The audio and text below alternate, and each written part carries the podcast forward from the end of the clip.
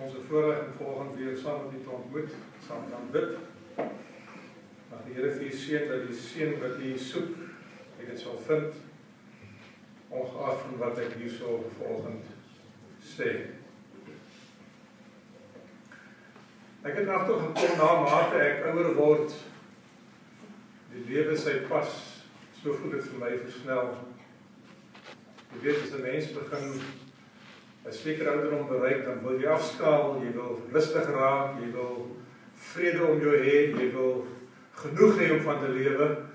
Jy ken daardie pad. Maar die die lewenspad versnel. En dit lyk vir my die Here is haastig miskien om te kom. Psalm 102 wil ek graag vir julle lees. Uh 'n psalm wat ek dikwels begin in my boodskap noem. Want dit is vir my so 'n reg lewensverhaal van myself.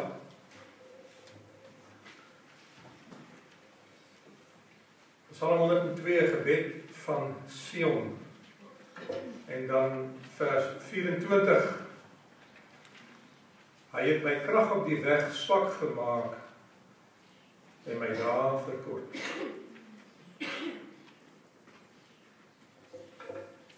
Ek het al dikwels vir die Here gesê in my werk wat ek tans doen dat dat as die Here nie met my saamgaan nie, dan kan ek die werk nie doen nie. Ek het gedink dat as die Here jou opvat in sy werk en jou opdrag gee en jou roep in sy koninkryk in tot 'n spesifieke taak, dit is wat die Here doen. Dat hy jou sal bekwam en sal talente gee en uh gawes gee wat by daardie dinge pas. Nou dit is so, ek moet die Here doen dit. Maar ek het agtergekom in my werk tans dat die dinge wat ek in bekwam is en die dinge waarin ek goed is en die dinge wat ek kan al bemeester het in my lewe is nie die dinge wat die Here gebruik nie. En hy gebruik my waarin ek my swakste is. Dinge waarin ek nie talente het nie, waarin ek nie bekwaamhede het nie, daar gebruik hy my die meeste tans. En dit veroorsaak dat ek daagliks voor die Here moet gaan staan en sê Here, ek het nie krag om aan te gaan nie. Ek is swak in myself, ek het niks om te doen nie. Alles en alles wat ek doen hang van U af. En ek dink dit is die Here se manier om my afhanklik te hou van hom, dat ek nie groot word in myself nie, of nie te veel vir myself dink nie. Ek weet nie hoe dit gaan nie. Ek wil graag met julle praat oor geloof vandag en ek wil so 'n bietjie ander pad vat wat u dalk aan gewoond is uit die verhaal van die Bybel. Want ek het agtergekom die manne van die Bybel is manne wat deur proef ondervindelike kennis gegaan het. Die Here het vir hulle lesse geleer wat te doen het met hulle eie lewe. As u wil weet hoe dit met u gaan geestelik, analiseer die dinge wat u bid. Dit is baie kyk. Ek het nie 'n aanwyling wat vir my sê hoe ek is wat ek doen nie. Ek hoor nie stemme uit die hemel uit wat vir my sê Andre maak so of maak so nie. En as ek die Bybel lees, dan kry ek indrukke soos u dit ook maar kry. Maar ek het agtergekom as ek na my gebedslewe kyk en die dinge wat ek bid, dan kom ek agter wat gaan werklik in my siel aan. Want dit is wat op my hart lê. Dis waar ek myself toets voor die Here elke dag.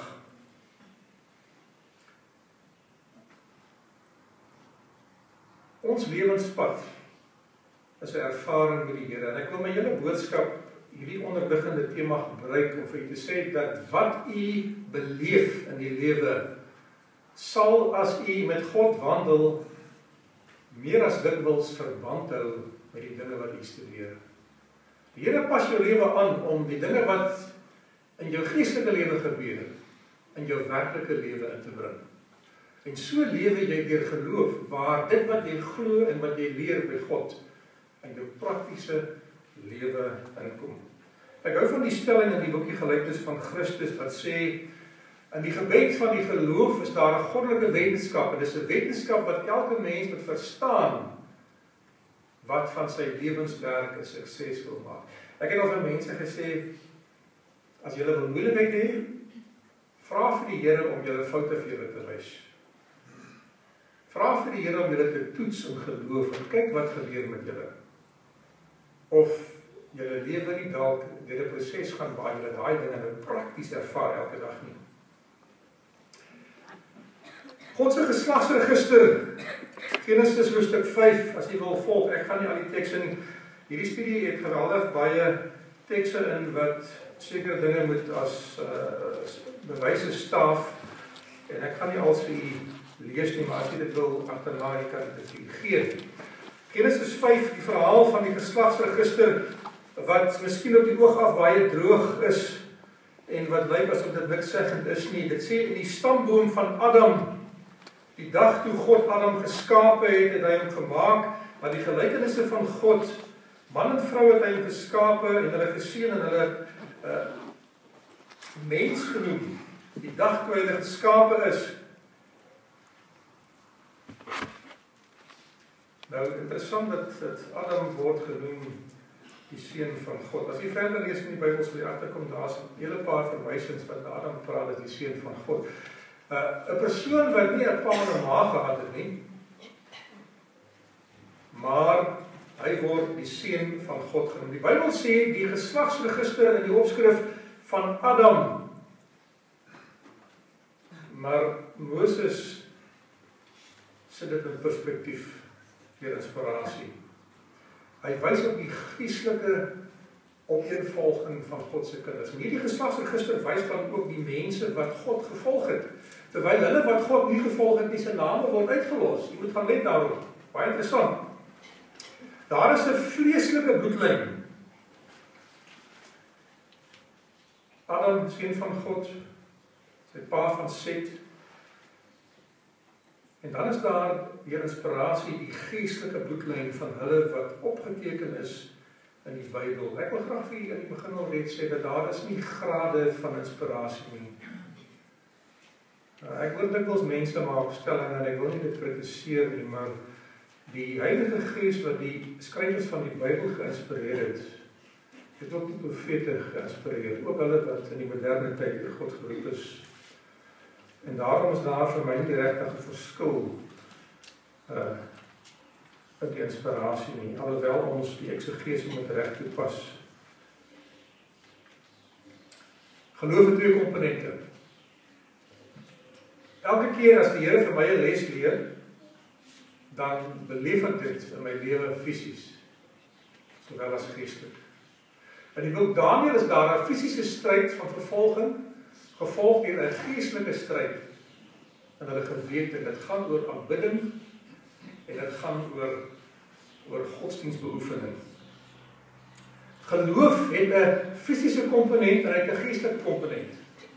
Jy sal nie in die hart en in die verstand getoets word terwyl jy nie in die praktiese lewe ook getoets word nie. Want dit gaan gepaard met opoffering. Dit gaan gepaard dikwels met met swaar kry.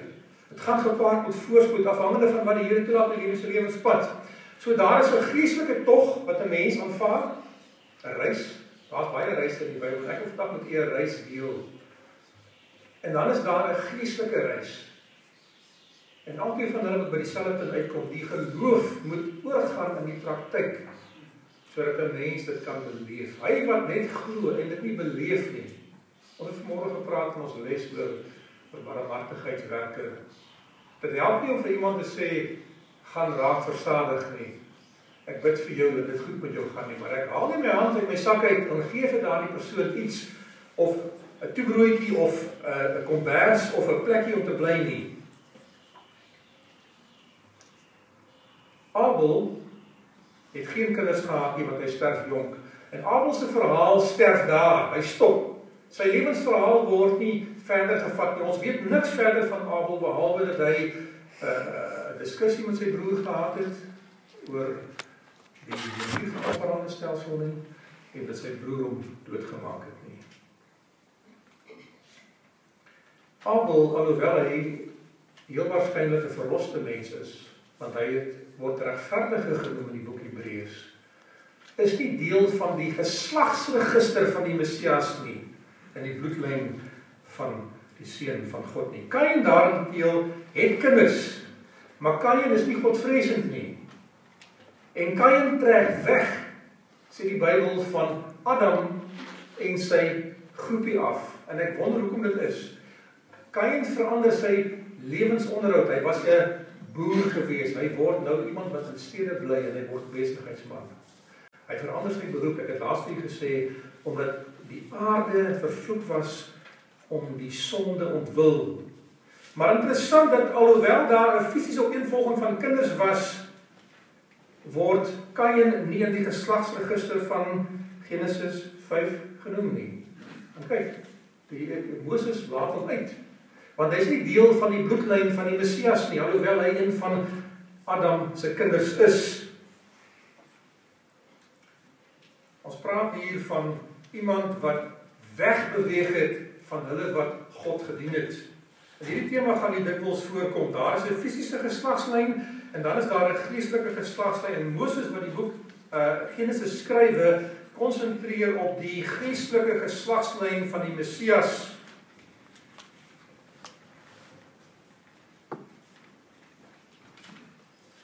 Ek wil ook hier met daarop let dat mense wat in hierdie verhaal wegtrek. Daar is twee soorte mense. Daar is hulle wat wegtrek uit hulle eie keuse uit omdat hulle nie betrokke wil wees by die dinge van God nie. Kain wil nie betrokke wees by Adam se huishouding nie. En hy trek weg sodat hy kan sy eie ding gaan doen daarin kant. Terwyl daar ander is wat deur God opdrag gegee is en gesê het die omgewing waarin jy woon is nie gunstig vir jou ontwikkeling en karakter nie. Trek weg sodat jy weg kan beweeg van die sonde af. So daar is 'n wegtrek wat God opdrag voorgee en dan is daar 'n wegtrek wat mense in hulle self besluit het. Dan is daar die verhaal van Set. Ek gee so 'n bietjie agtergrond vir die uh godvreesende man wat kinders gehad het wat kinders van God genoem word. God kies vir Set en sy nageslag omdat Set en sy nageslag die dinge van God kies. As u wil hê die Here moet u roep in sy wingerd in, dan moet u doen wat God behaag. Dan sal God u kies en u intrek in sy dinge in. Daar is mense in die Bybel wat God nie gekies het nie omdat hulle lewe nie ooreengestem het om ambassadeurs van die koninkryk van God te wees nie. Jy kan vir jouself vra, uh, is jy iemand wat deur God gekies sal word of sal die Here dalk by jou verbygaan en sê ek het jou nie gekies nie want jou lewe strook nie met dit wat ek voorstaan nie. Die Here sê ek is die God van Abraham, Isak en Jakob. Hy laat Esau se naam weg Daar is diegene soos ek vir julle het gesê wat uitgeval het en wat weggetrek het en wat afvallig geword het. Maar daar's twee groepe mense. Een groep mense trek weg en hulle verdwyn uit die verhaal uit, soos Kain. Ons hoor nie meer van hom nie.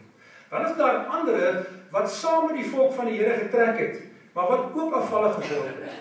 Maar hulle bly by die kinders van die Here en hulle word later aan 'n stryk vir die mense. Die Here het gesê as mense aanhoudend sondig met jy afsonder en uitsonder. Dit is die proses wat die kerk volg en sensuur wanneer mense opsettelik en moedswilliglik sondig en dan uiteindelik hulle lidmaatskap verloor uit die groep uit. Die oomblik wat jy van God wegdwaal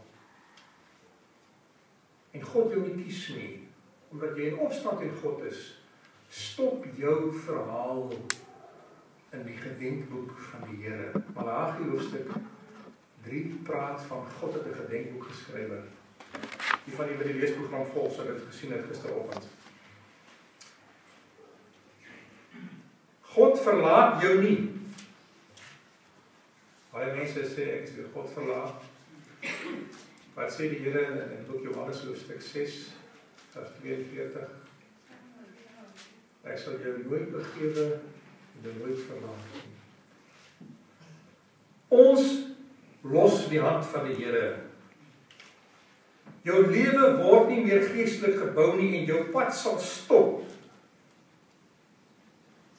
Die mense wat wegval wegval van die Here af of wat wegtrek van die Here af se lewe stop. Hulle is nie meer deel van die opvoedingsprogram nie. Hulle is nie meer deel van daardie proses waar hulle daagliks in die skool van die lewe opgelei word in geestelike dinge nie. Hulle is nie meer deel van die gedenkboek van God nie of van die bloedlyn van die Messias nie. Jou naam sal op die lys uitgehaal word soos die naam van Orpa wat verlaat verdwyn uit die verhaal van Rut en Orpa uit. En ek gaan net net vir die name noem van 'n paar mense wat weggeval het.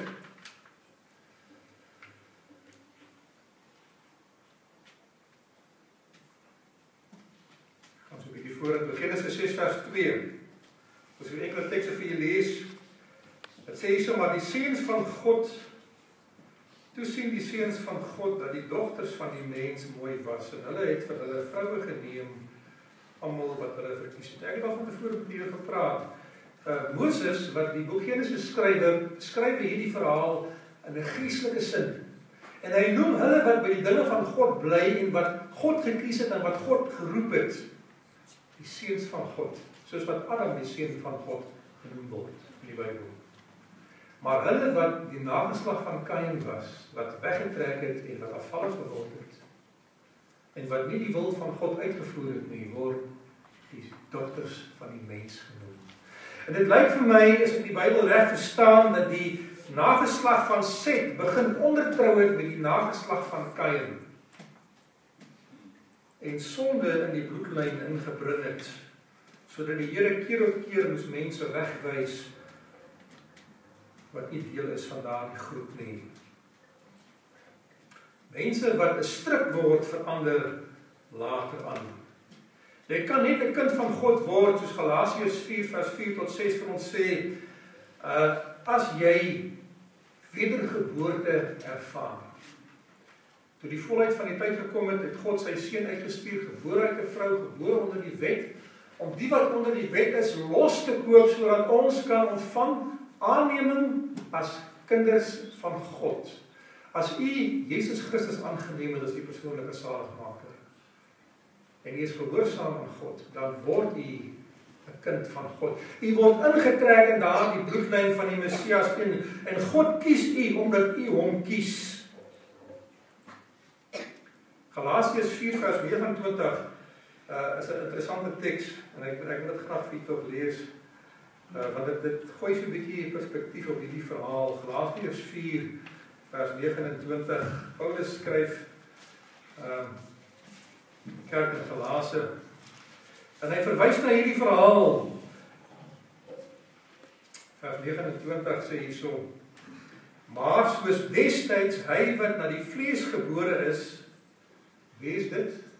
Toe Abraham sien dat die belofte van kinders nie kom nie, het hy geluister na sy vrou en saam met hulle plan gemaak om die Here te help en Hagar as sy vrou gevat en 'n fisiese opeenvolging van die volgende geslag na die volgende een toe het plaasgevind en daarom word Ismael wat gebore is, hy wat na die vlees gebore is genoem deur Paulus.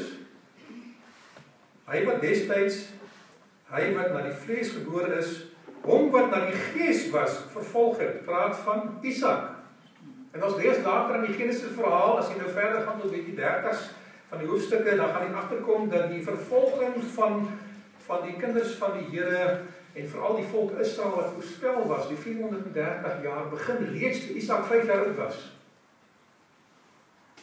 Toe dat toe Ismael en sy ma hom begin vervolg het.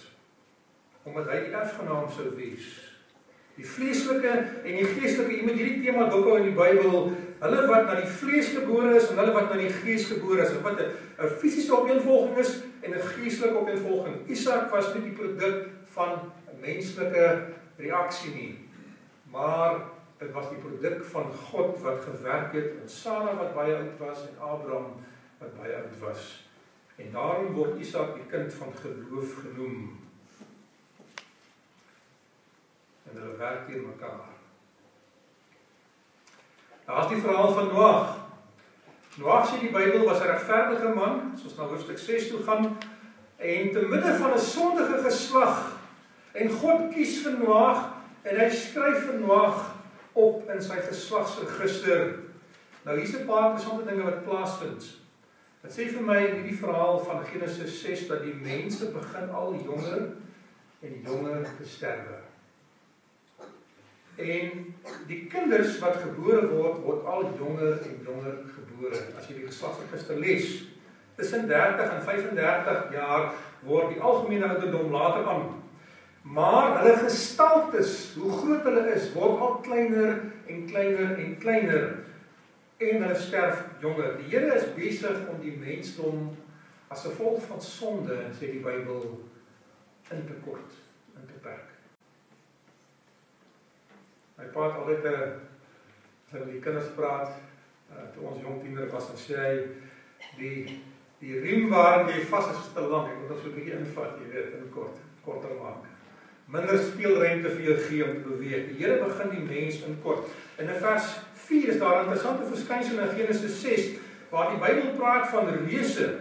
Nou die Hebreëse teks moet 'n mens verstaan, jy moet die Hebreëse taal verstaan, dis nie wat sê die Bybel, dit praat nie noodwendig van groot mense in gestalte nie, want al die mense van daardie tyd verstaan ek as ek die Bybel reg lees, was groot mense, hulle was groot van gestalte gewees. So daardie reuse is nie net groot van liggaam nie, alhoewel hulle almal groot was. Maar die konteks in hierdie verhaal praat van iets interessant dat hierdie mense uh uh in hulle geaardheid en in hulle natuur in hulle konsekwentheid het hulle geweld gepleeg. 6 vers 4 sê hulle was geweldiges Vers 11 sê hulle was vol geweld en vers 13 sê hulle was vervul met geweld. En hierdie grootheid verwys na 'n geestelike eienskap van hierdie mense. Terwyl Moses geweldig klem lê op die geestelike kwaliteite van mense, wys hy uit dat die mense van daardie geslag is mense wat geweldenaars was. En hy gebruik 'n verdere terminologie waar hy sê altyd deur, met ander woorde elke dag, heeldag sleg was, sê die Bybel. Die konsekwentheid van hulle lewe was elke dag en heeldag sleg. En dan gebruik hy die taal van die versinsels van hulle hart, die boosheid van die mens en wat hy in sy hart bedink, is die taal wat Moses gebruik om die mensdom uh, te beskryf. Uiterlik groot, uiterlik gewelddadig en sondig. Innerlik hart gedagtes en versinsels negatief ingestel. Kan jy sien hier's 'n fisiese komponent en hier is 'n geestelike komponent. In die verhaal van die afspeel van die mense op aarde is daar 'n pad wat hulle loop elke dag. En daardie pad het 'n fisiese pad wat 'n mens kan sien en waarneem, maar daar is 'n geestelike pad wat in hulle harte plaasvind. En die Here begin nou uit hierdie groep mense uit sê, nee, my gees sal nie vir ewig in die mens wees nie, want die mens is altyd weer sleg. En nou begin die Here individue uitkies. Hy begin gesinne as families uitroep en hy begin enkelinge uitroep om deel te wees van 'n spesiale groep mense wat hom sal gehoorsaam. Dan is daar ook natuurlik baie samelopers. Hierdie verhaal praat van mense wat saam gaan het wat geestelik ingestel was met hierdie mense wat saam met die Here geloop het. Het jy iemand wat saam met hierdie pad loop? in die huis, in die familie, by die werk miskien wat omdat u 'n gelowige is en die Here u seën, graag saam met u wil verkeer. En so geestelike seën ontvang. En wanneer u dalk moet wegtrek omdat die Here vir u laat wegtrek, miskien saam met u sal gaan soos in die verhaal van Abraham.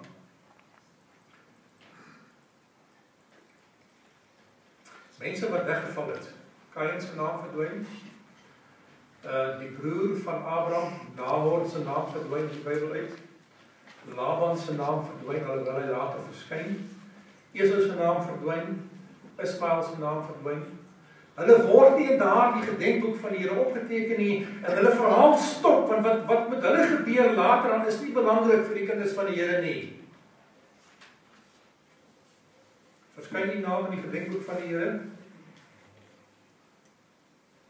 Hulle wat God nie gekies het nie en wat God nie kon kies nie omdat hulle hom nie gekies het nie. 6 vers 8 praat van voor die aangesig van God in die openbaar heeldag en aldag die sonde is nie meer die uitsondering nie. In 'n Christelike lewe moet sonde die uitsondering wees. Sonde word nou die reël van die dag terwyl om goed te doen die uitsondering is in hierdie verhaal. En dit sê vir my dat voor die aangesig van die Here dit wat hulle aan die begin in die geheim gedoen het. Weet as 'n mens sonde doen dan kry jy weg. Die Bybel sê uh, in die boek Spreuke dat die kwaadoener kies die nag uit om sy werk doen. Hy wil nie gesien word nie. Daar is mense wat so in sonde in begin lewe dat hulle sonde in openbaar kom en hulle doen dit nou in die openbaar asof dit niks is nie. Dit is nie meer verkeerd nie. Dit is wat hierdie hierdie terminologie in die Bybel van praat. Voor die aangesig van die Here, hulle het nou uitgekom in die openbaar en hulle doen dit nou uh in die openbaar asof dit nie verkeerd is nie. Numeri 25 vers 7 vers 7 is die verhaal van die die Israeliese mans wat met die Moabitiese meisies in die tyd van die verhaal van uh uh Biliam oorspel gepleeg het, sê die Bybel. En dit het so ver gegaan dat een van die mans in die openbaar terwyl die vergadering besig was, 'n meisie gaan haal het en haar deur die vergadering laat loop in sy tent toe waar hy met haar gemeenskap gehad het. Toe Pinias daardie twee is die Bybel vir ons die verhaal vertel hoe dit gemaak het. 'n Man wat nie geskroom het weer om in die openbaar te aanskoue van ander sonde te doen nie. Dis wat met 'n mens gebeur om homself oorgee aan sonde. Hy hy begin nader aan sonde doen asof dit niks is nie voor die aangesig van God. En sê God sal verstaan of God sal verskoon uh die Here moet my vat soos ek is en ek gehoor mense sê die Here sal dit nie doen nie. Die Here sal dit nie doen nie. God is heilige God en hy het reëls wat geld vir die mensdom. Die aanmatiging van die mense, die perke oorskry en daarom het die Here 'n sonvoet gestuur om die mensdom dood te maak omdat hy voor sy aangesig begin het om in openbaar die wet van God so te oortree asof dit niks is nie. En nou begin die Here mense uitkies. En dit is interessant dat die boek Handelinge 17:26 sê die Here bepaal waar mense moet bly. Dit praat van die skeiding van nasies waarop Paulus uh uh aandag vestig en hy sê daar is bevolkingsgroepe gewees in die skeiding by Babel en die Here kies waar mense moet gaan woon want hy het 'n plan vorentoe vir sy volk. Hy wil hê hulle moet op 'n spesifieke plek gaan bly en hy wil hulle so groepe mense plaas wat anderster is as die ander. Hy skei hulle volgens voorkeur. Hy bepaal waar hulle moet gaan bly. Die Here uh roep vir Abraham en vir Tera en vir Nahor en vir Haran en vir Laban uh, uit er van die Galdeërs uit. Ekskuus Lot nie Laban nie. Lot en Laban kom later eers. Er van die Galdeërs was 'n gevorderde kultuur, 'n ontwikkelde godsdiens van bygeloof, spiritisme, satanisme, sterrewiggelary, vuurlopery en kinderofferande plaasgevind. Die mense was ryk gewees en verwaand gewees. Hulle was baie immoreel gewees en hulle het hulle self oorgegee aan geweldig baie partytjies en brassery en dronkenskap. En hulle het sinkretisme beoefen, aan die ander woorde die dinge van God het hulle met die dinge van die wêreld gemeng. En die Here sê my volk wat nou ontstaan kan nie in die midde van hierdie ontwikkelde eerste wêreldkultuur opgroei nie. Hy roep hulle uit Ur van die Galdeërs uit na die land Kanaan toe. Die land Kanaan daarteen was 'n land gewees wat as ons vandag na die wêreld kyk as 'n derde wêreld groep mense beskou kon gewees het. Nomadiese mense, mense wat geswerf het, in tente gebly het, mense wat veeboere was en hulle godsdiens was nie so ontwikkel nie, maar meer nog, hulle was die nageslag van die familie van Abraham. Die Ismaeliete, die nageslag van Ismael het in die land Kanaan gewoon. Die nageslag van Lot, die Moabiete en die Ammoniete het gewoon in die land Kanaan die nageslag van Edom, die Edomiete het daar gewoon in daardie omgewing. Dan is daar die die ander uh die die die klein seun van van Adam was ook die uh, die Kanaan gewees en hulle daar gewoon. Die Here vat vir Abraham en sy gesin van 'n eerste wêreld ontwikkelde wêreld na 'n derde wêreld, 'n onderontwikkelde wêreld waar dinge nie so gefestig was nie waar daar nie so baie kontak met sonde sou wees nie en waar hulle nie noodwendig blootgestel sou word aan al hierdie dinge wat hulle kon beïnvloed nie. Romeine 12 vers 2 sê vir ons word nie aan hierdie wêreld gelykvormig nie, maar laat julle vernuwe deur die vernuwing van julle gemoed. Ek het so baie al vir julle gesê, moenie te lank in die gietvorm van die wêreld wees nie. Anders dan gaan jy die patroon van die wêreld ontvang God kies vir Noag. Genesis 6 vers 18. Hy sê jy gaan die bewaarder wees vir my volk. Maar 'n interessante verhaal is dit in 5 vers 32 sê die Here en ek het hierdie tekste gaan opsoek en dit is baie tekste ek kan nie almal lees nie. Toe Noag 480 jaar oud was, gee die Here hom 'n opdrag en sê jy moet vir my 'n ark bou. En dan moet jy en jou vrou en jou seuns en hulle vrouens in die ark ingaan want die interessante van die verhaal is dat dat dit sou eers uh, baie later wees 20 jaar later wat Noag se eerste kind gebore is toe hy 500 jaar oud was. Nou skryf die Bybel iets interessant. Uh die die seuns van Noag, hoe ken jy hulle? Wie was hulle gewees? Sem, Ham Jafet. Wie was die oudste? Moses skryf hulle name in 'n geestelike sin. Maar as jy die Bybel gaan en hier's 'n interessante studie wat ek gedoen het en jy kan ook in die Bybelkommentaar vind. Jafet was die oudste gewees. Sem was die tweede oudste en Ham was die derde gewees. Maar telke male as Moses na hulle verwys, dan skryf hy hulle in 'n geestelike sin. Sem, Ham en Jafet volgens hulle geestelike ingesteldheid en nie volgens hulle ouderdom nie. Ek vind dieselfde verskynsel in die verhaal van Abraham. Abraham en sy en sy twee ander broers. Hulle word in 'n geestelike sin geskrywe in die Bybel. Jy kan dit gaan lees daarso en nie in die die die volgorde van hulle ouderdom nie. Die Bybel sê Hebreërs 11 vers 7 omdat Noag gelowig was, het hy die ark gebou en hy het geglo in die belofte van die Here dat hy sal kinders hê om daardie werk te help doen en self in die ark te gaan later. Die verhaal van Abraham is net so interessant. God roep vir Abraham uit en en hy moet uittrek uit Ur van die Galdeer uit. Nou interessant vir u van u wat bietjie wil gaan navorsing doen. Abraham het is gebore kort voor Sem se dood. Sem het nog gelewe toe Abraham gebore is. Hy het dit nie geweet nie.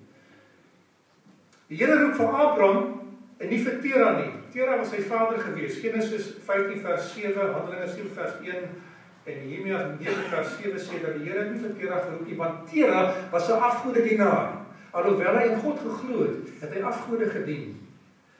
Laban was 'n afgodedienaar. Nahor was 'n afgodedienaar en hy bou vir homself 'n stad en hy trek net halfpad. Hy trek nie heeltemal nie. Uh Haran sterf langs die pad en die familie van Abraham uh, word nie gekies nie, maar Abraham is die een wat gekies word. Maar hy trek saam met sy familie uit en hulle trek vir ongeveer uh, ek het gestaan van die afstand uitwerk in die Bybel. Uh die Bybel sê uh ongeveer 450 myl in Afrikaans. Maar dit is ongeveer 720 km in ons terme. En hierdie tog van Abraham en sy familie uit Ur van die Galdeërs tot by Haran waar hulle gaan vestig, neem 25 jaar van sy lewe op. Abraham trek weg toe hy 50 was en hy kom aan en hy bly daar tot hy 75 is in Ur van die Galdeërs. Die eerste deel van Abraham se lewe was 'n geloofstoets, 'n fisiese tog waar hy moes wegtrek uit sonde uit na 'n plek waar minder sonde was, 'n simboliese tog wat hy moes aanpak, 'n geestelike en 'n vleeslike reis. Ons lewens kan ook 'n reis wees op pad na die hemel.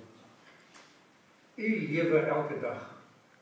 En wat u beleef in die geestelike lewe het ook 'n fisiese komponent. U gaan deur sekere dinge gaan fisies terwyl u geestelik aan die dinge van God vashou. En hulle laat hulle littekens As die Here 'n mens wegvat, is daar opoffering, daar is leed, daar is verlies, daar is onsekerheid, daar is vervreemding. Ek het net nou vir u gesê die Here gebruik my meestal deesdae op die gebiede van my lewe waar ek in swak is. Waarin ek nie kan ek het al vir die Here gebid en sê Here, daar is ander dinge wat ek in die lewe uitgestaan het waarin ek goed was. Ek kan myself daarom laat geld, maar die Here gebruik my nie in daardie danigheid nie. Hy kies vir sy eie rede om my te gebruik waar ek op my swakste is sodat ek sy krag kan aanvaar. En dan as ek oorwinning behaal by die dinge dit sy oorwinning is. Miskien het die Here u wat wegtrek uit u familie uit om hierdie waarheid te aanvaar. Na ander omgewing toe. Uit die vriendekring uit. Uit die kerk uit. Tussen vreemdes sodat u 'n nuwe familie kan ontvang. Liewe broers en susters.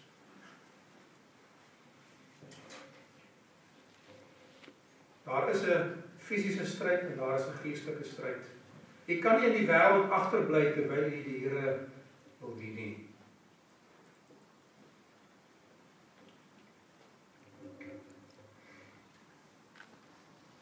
onbekende bestemming. Hebreërs 11 vers 8 sê Abraham het 'n onbekende bestemming gegaan. Hy het nie geweet waar nie. God gee hom 'n rigting en hy gee hom 'n belofte. Daar's nie 'n tydsraamwerk nie. En Abraham en sy gesin trek by Mesopotamië wat nog nie deel is van Kanaan nie. Naby die Eufraat rivier. En nou in Genesis 12 roep die Here vir Abraham 'n tweede keer toe hy 75 jaar oud is. Sy vader Tera is dood. Sy broer Nahor het nou 'n stad gebou en daar gaan bly en hy wil nie verder trek nie. En nou sê die Here vir Abraham: "Trek uit jou volk, trek uit jou familie, trek uit jou vader se huis." Abraham wil nie verder trek nie want sy familie wil nie verder gaan nie. Die Here sê Abraham, jy het halfpad getrek. Jy is nog nie waar jy moet wees nie. Gaan nou verder. Hierdie is een van die eienskappe van die geloofstog van die mens. Die Here roep 'n mens in stadiums. Hy vat jou nie met eens waar jy moet wees nie. Hy moet jou eers die bande van Egipte afbreek. Farao se bande losmaak en dan vat hy jou bietjie verder en dan bietjie verder wanneer jy gereed is. Geliefdes, is u gereed om verder te trek? Of het u nou die eerste stap geneem in bekering, die eerste stap geneem in regverdiging. Maar nou die stap van heilig maak, die stap van verder gaan. Daar is baie stappe in die Christelike lewe en is al verskil van mens tot mens glo. Uh moet die Here hier nog verder vat? Is daar nog dinge wat nog in die lewe nie reg is nie? Wat jy nie toe sou ingesien het nie? Hierdie word 'n persoonlike roeping van Abraham. En nou begin die Here aan Abraham verskyn en daar is ses verskynings in die boek Genesis waar die Here aan Abraham verskyn het wat baie interessant was en die Here gee hom 'n opdrag, hy gee hom 'n belofte, hy gee hom 'n rigting, maar geen bewyse nie. Dit baie keer is dit beter as ons nie die einde sien nie. As ek moes weet waar die Here met my heen gaan. Ek het al baie vir die Here gevra, onder wat waar sal ek volgende jaar wees? Wat sal wat sal oor 2 jaar gebeur? Op skool het ek gewonder waar gaan ek oor 10 jaar wees en Vandag is dit nou al 30 jaar verby, jy weet, nou wonder ek sou dit my gehelp het as ek 'n kind was om te weet die pad wat die Here my sou loop. As ek die teleurstellings gesien het, die slaggate, die foute wat ek sou maak, die onpaaie wat ek moes loop, die dierlesse wat ek moes betaal, die littekens wat ek opstel in die lewe, ek wou dit nie weet nie. Ander mense trek saam. Die Bybel sê diensknegte, maar die Hebreëse woord wat gebruik word is siele. En die Gees van profesie sê dat hierdie mense was vriende, hulle was veewagters, hulle was krygsmanne, maar meer nog mense wat gelowig geglo het soos Abraham. Daarom trek hulle saam. Interessant nou, toe Abraham uit Ur van die Galdeërs trek met sy familie na Haran toe, toe trek hulle saam. En toe die Here 'n tweede keer vir Abraham roep, sê jy's by Haran trek verder na Kanaan toe, nog 'n verdere 720 km ongeveer. Ek weet nie of dit so die helfte helfte is nie. Nog 'n verdere 25 jaar betrek hierdie gelowige mense weer saam met Abraham. Daar sou altyd met mense wees wat saam met U sal gaan as U die dinge van die Here doen. 'n Hoë roeping, meer opoffering, meer geloof. Die boek Patriarge Profete sê die eerste tog was 'n toets van geloof. En as Abraham die eerste toets nie geslaag het, is hy die tweede oproep nie gekom het nie. Maar omdat hy die eerste toets deur gegaan het van geloof en gevolg het wat die Here hom gesê het, Toe sê die Here, nou is jy gereed vir 'n tweede toets. Nou vat ek jou 'n stapie verder. Geliefdes, ons leef aan die einde van tyd. Die Here het u gebring waar u nou is. U's nou in Haran dalk. Miskien moet u nog 'n verdere tog aanpak vir die tyd van die einde. Verder voorbereiding doen. Ek weet nie wat die Here vir u gedagte het nie en ek wonder baie oor dit. Ek kry eergisterand kry ek 'n SMS net na 1 uur die nag. En die die die die die boodskap is baie kort van een van die ouderlinge wat vir my sê leraar wat beteken die middernagtelike geroep in die Bybel in die Openbaring. Nou hy het die boodskap gestuur die vorige 8 uur die son onder is, maar ek kry hom net na middernag. Maar ek ek het so ek was so getenteer om 'n antwoord terug te stuur wat uh maar ek het besluit nee ek sal dit nie klaar raai van die nag. Ek was toevallig uh opgewees, is baie tyd wat ek studeer in die nag daai. Abraham trek met die Here saam. Hy groei elke dag soos die Here hom verder vat. En nou voeg die Here nog dinge by. Weet jy Abraham het nooit werklik kan besit nie. Hy het 'n vreemdeling gebly en 'n bywoner vir die res van sy lewe. Vir 83 jaar as Hebreërs 11 vers 9 lees en verstaan, bly Abraham in 'n tent. Gaan tel die jare. Ek het besig met 'n baie interessante studie in die boek Genesis oor die ouderdom van mense.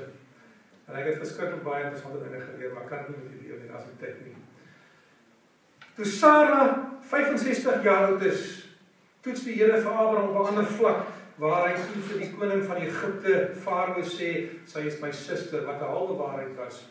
Toe Sara 90 jaar oud was, toets die Here hom 'n tweede keer by Abimelech, die Filistynse koning, en weer 'n keer vertel hy alleen om te sê sy is my suster want hy was bang geweest. En daai keer sê het Abraham geval. Geliefdes in u lewe sal daar iets wees wat u gaan val. Ons gaan nie altyd se weer kom nie. Maar ons gaan groei. Ons gaan hopelik by die plek kom waar eendag vir die Here kan sê Here, ek het nou geleer en ek kan nou aangaan verder vorentoe. En nou in vers 12, 12 vers 7 en 13 vers 14 en in 15 vers 7 begin die Here belofte byvoeg waar hy sê jy gaan na die land toe gaan en ek gaan die land vir jou gee, maar ek gaan ook vir jou 'n nageslag gee. Ek gaan vir jou 'n nageslag gee. Daar gaan 'n seun gebore word en Abraham het 'n plan gehad en Sara het 'n plan gehad. Abraham se plan was Eliezer gewees. Die die die Arameer om sy nageslag te word. Hy sê hy sal nie jou nageslag wees nie. Uit jou liggaam sal 'n nageslag voorkom. Uh Sara se plan was Hagar en Ismael. Die Here sê Ismael sal nie die nageslag wees nie. Julle planne sal faal. My plan sal uiteindelik wees. Ek weet jy nadat na hierdie insident is my is my hartseer deur van die verhaal. Na hierdie insident met Hagar en Ismael swyg die Here vir 13 jaar. Vir 13 jaar verskyn die Here nie weer aan Abraham nie. En die Here sê vir Abraham as te ware, gaan loop jy jou pad wat jy wil loop. In ongeloof. En dan sal ek jou terugbring wanneer die tyd reg is.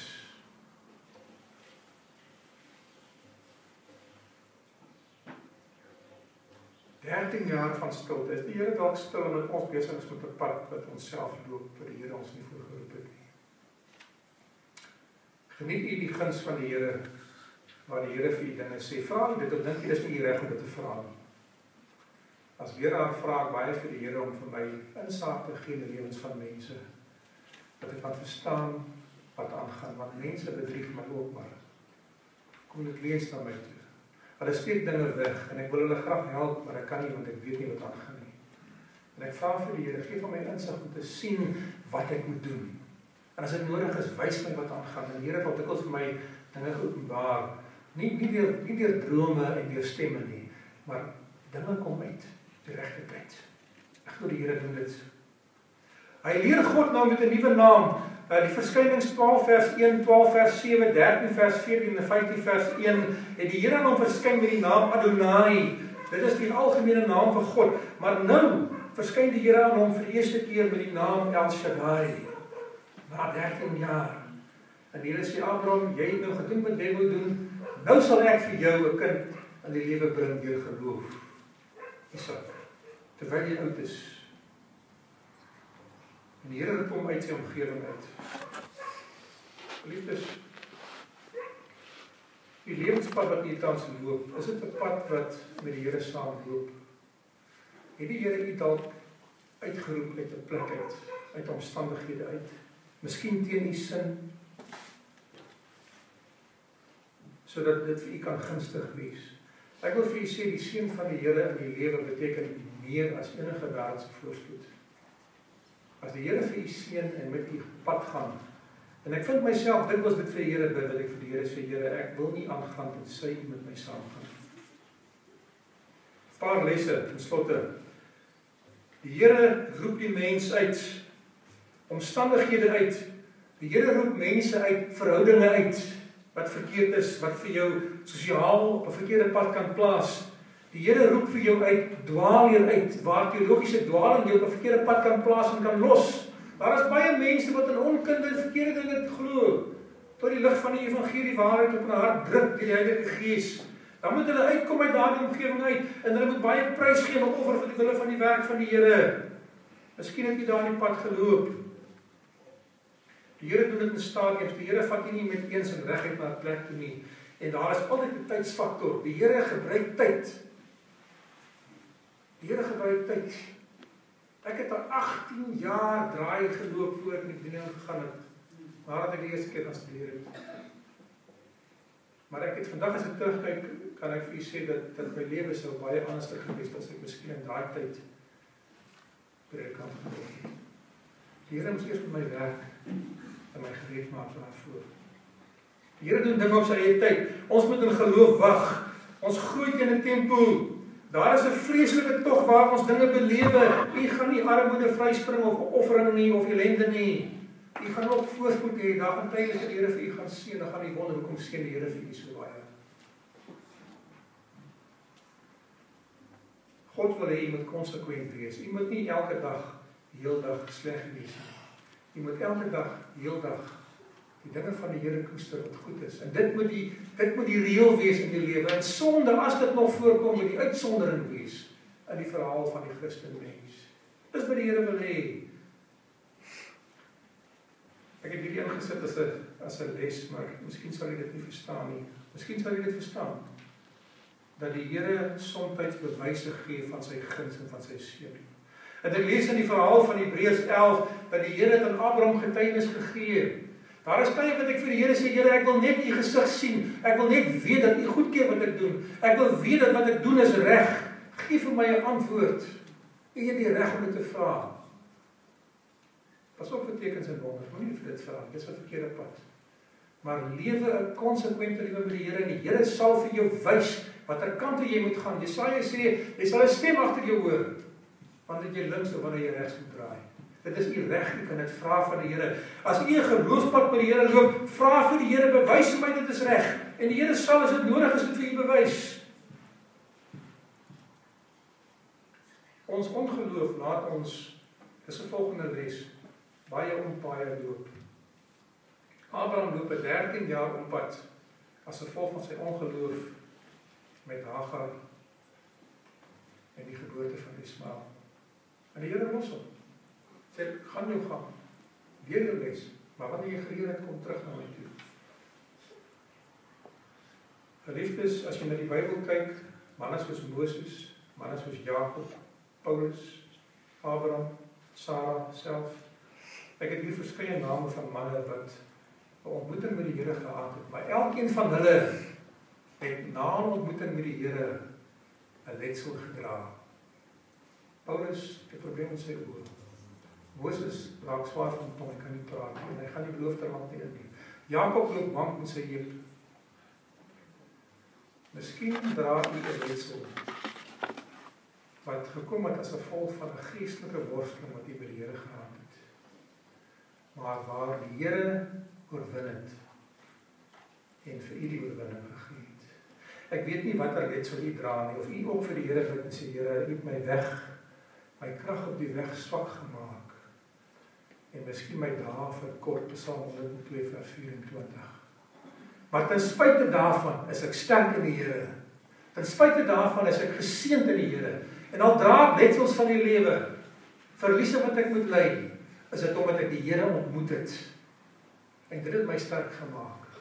Die Here het Paulus gesê my genade is vir jou genoeg want my krag word in die swakheid van die mens volbring. Die Here kies die swakste onder die swakste om hulle die sterkste te maak. En die Here gaan die swakste eienskappe van u vat en dit die sterkste punte in die lewe maak sodat u op niks kan roem nie.